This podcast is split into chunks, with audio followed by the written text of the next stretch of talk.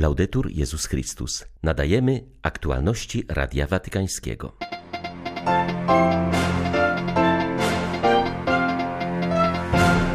Tych okrucieństwach przywrócenie pokoju z Rosją będzie wymagało dużo czasu, powiedział szef papieskiej dyplomacji. W trzecim dniu wizyty na Ukrainie arcybiskup Paul Gallagher modlił się przy masowych grobach w Buczy. Postawa Jana Pawła II względem reżimów autorytarnych może być wzorem dla dzisiejszych relacji Kościoła z Rosją czy Chinami, uważa biograf świętego papieża George Weigel. Przy polskim kościele w Rzymie zainaugurowano wystawę o kardynale Stefanie Wyszyńskim. Prymas tysiąclecia pokazuje, jak pełnić posługę w zmieniającym się społeczeństwie, uważa wiceprezes IPN profesor Karol Polejowski. 20 maja witają Państwa Marek Krzysztofiak i Krzysztof Bronk. Zapraszamy na serwis informacyjny.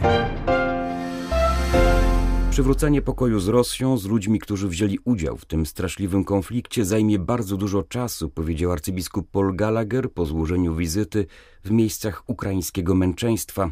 Przebywający na Ukrainie szef watykańskiej dyplomacji był dziś w Buczy, Irpieniu i Worcelu.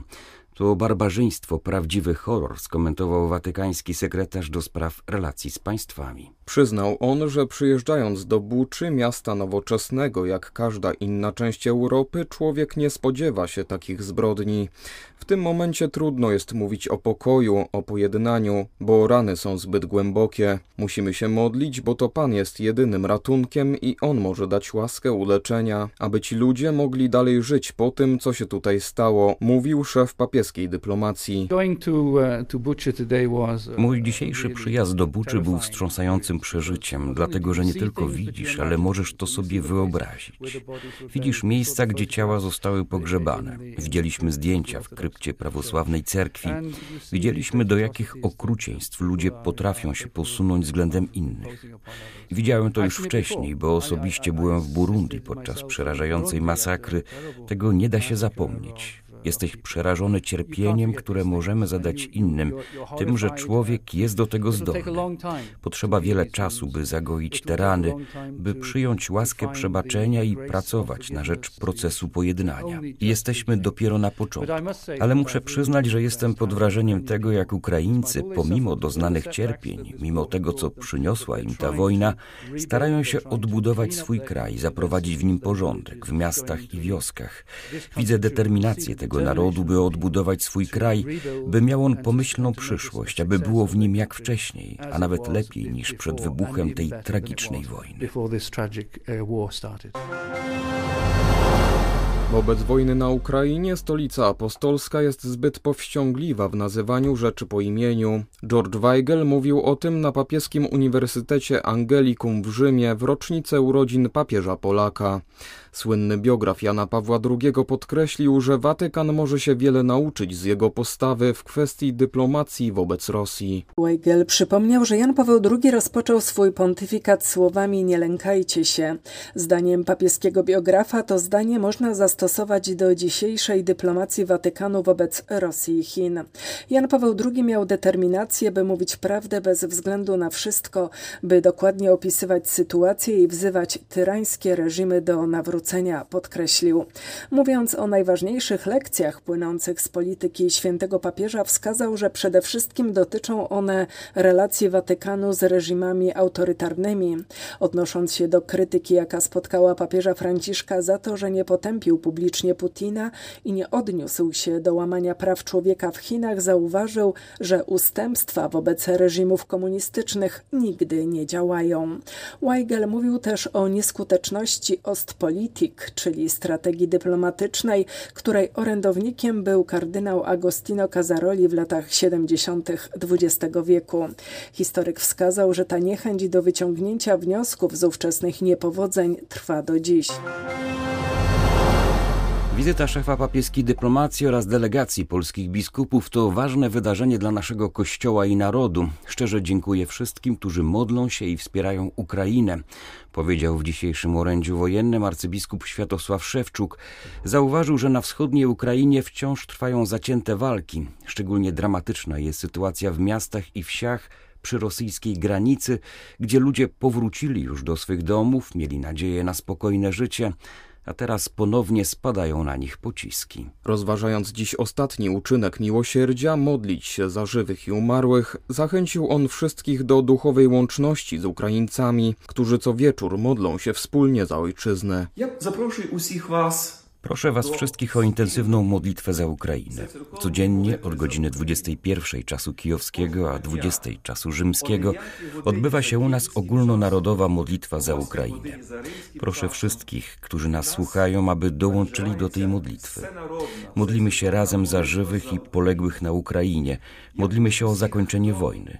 Wczoraj jako wspólnota kościołów, chrześcijan Ukrainy, jako naród, przeżyliśmy dwa bardzo ważne międzynarodowe wydarzenia.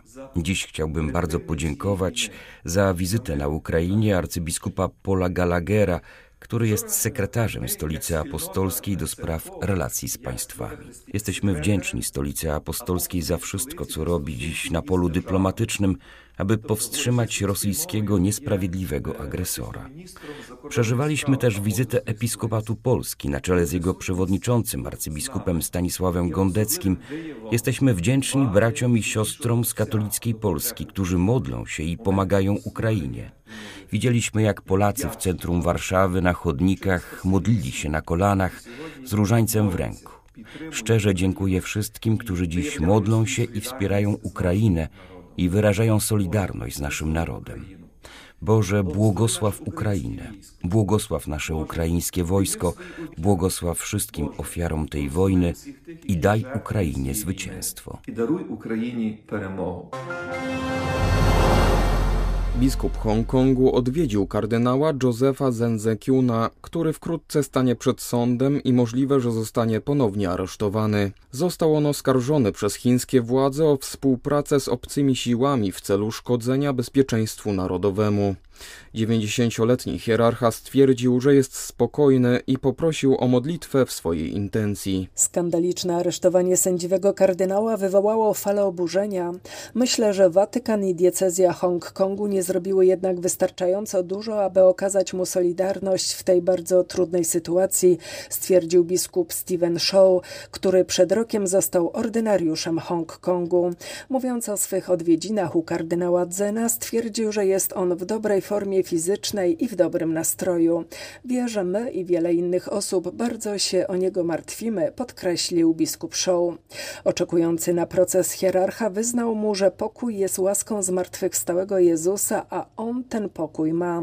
Przypomniał też wszystkim, że nie jest konieczne publiczne okazywanie mu poparcia, wystarczy nieustanna modlitwa. Kardynał Zen został aresztowany 11 maja przez funkcjonariuszy służby bezpieczeństwa. Po przesłuchaniu na posterunku policji został zwolniony za kaucją, nie może jednak opuścić kraju.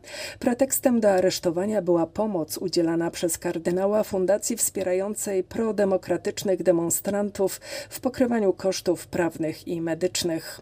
Obserwatorzy podkreślają, że aresztowanie zasłużonego kardynała i zapowiedź jego procesu wyraźnie pokazują, że dwa lata po wejściu w życie ustawy o bezpieczeństwie narodowym w Hongkongu zlikwidowano wolność słowa, prasy, zgromadzeń i stowarzyszania się, a teraz dąży się do zlikwidowania wolności religijnej.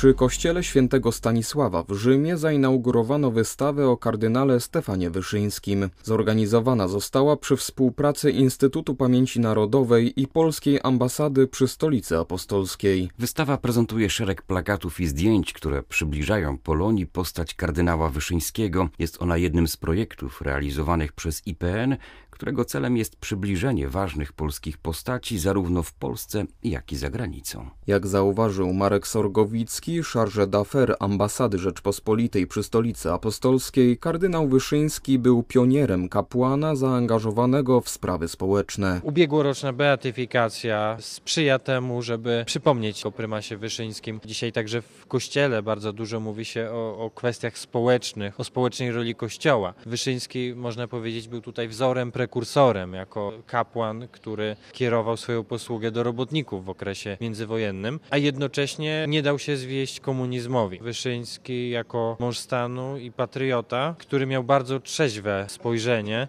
Z jednej strony przeciwstawiał się komunizmowi, z drugiej strony pamiętał o, o roli zgody narodowej i pojednania i jako mąż stanu umiał podejmować właściwe decyzje. Prymas Tysiąclecia z powodzeniem łączył rolę wybitnego duchownego i teologa, a jednocześnie męża stanu. W jego postaci Polacy w okresie zniewolenia widzieli swojego naturalnego przywódcę. Wyszyński był pasterzem narodu, stwierdził profesor Karol Polejowski. List, w którym prymas tysiąclecie i polski episkopat zawarli słowa non possumus, dając wyraz sprzeciwu wobec komunistycznego reżimu, może być inspiracją do działania dla Polaków także dzisiaj. Kardynał Stefan Wyszyński sprawował swoją posługę, kiedy społeczeństwo polskie, polski naród ulegał bardzo głębokim przemianom. A jednak ten kościół, który, na którego czele on stał, potrafił w tych przemianach się znaleźć, potrafił przejąć tą rolę wiodącą i potrafił ten naród poprowadzić. Współcześnie Polska jest takim krajem, w którym także zachodzą bardzo głębokie przemiany. I tu jest rola dla Kościoła i wzorcem może być, wzorcem postępowania kardynał Wyszyński. Bezkompromisowy tam, gdzie jest to konieczne, idący na kompromisy tam, gdzie jest to korzystne dla tych, którzy zostali oddani w jego opiekę i nad którymi sprawuje posługę. To jest rzecz ponadczasowa. We Włoszech ukazała się książka zawierająca listy pisane między włoskim matematykiem i ateistą a Benedyktem XVI. Pier Giorgio Odifreddi opisuje w niej także swoje spotkania z papieżem seniorem, poczynając od 2013 roku. W książce W drodze w poszukiwaniu prawdy Odifreddi integralnie publikuje swą korespondencję z papieżem seniorem oraz wraca wspomnieniami do ich pięciu osobistych spotkań, jakie miały miejsce po jego rezygnacji. Jest to już już kolejna wymiana myśli między nim a Benedyktem XVI.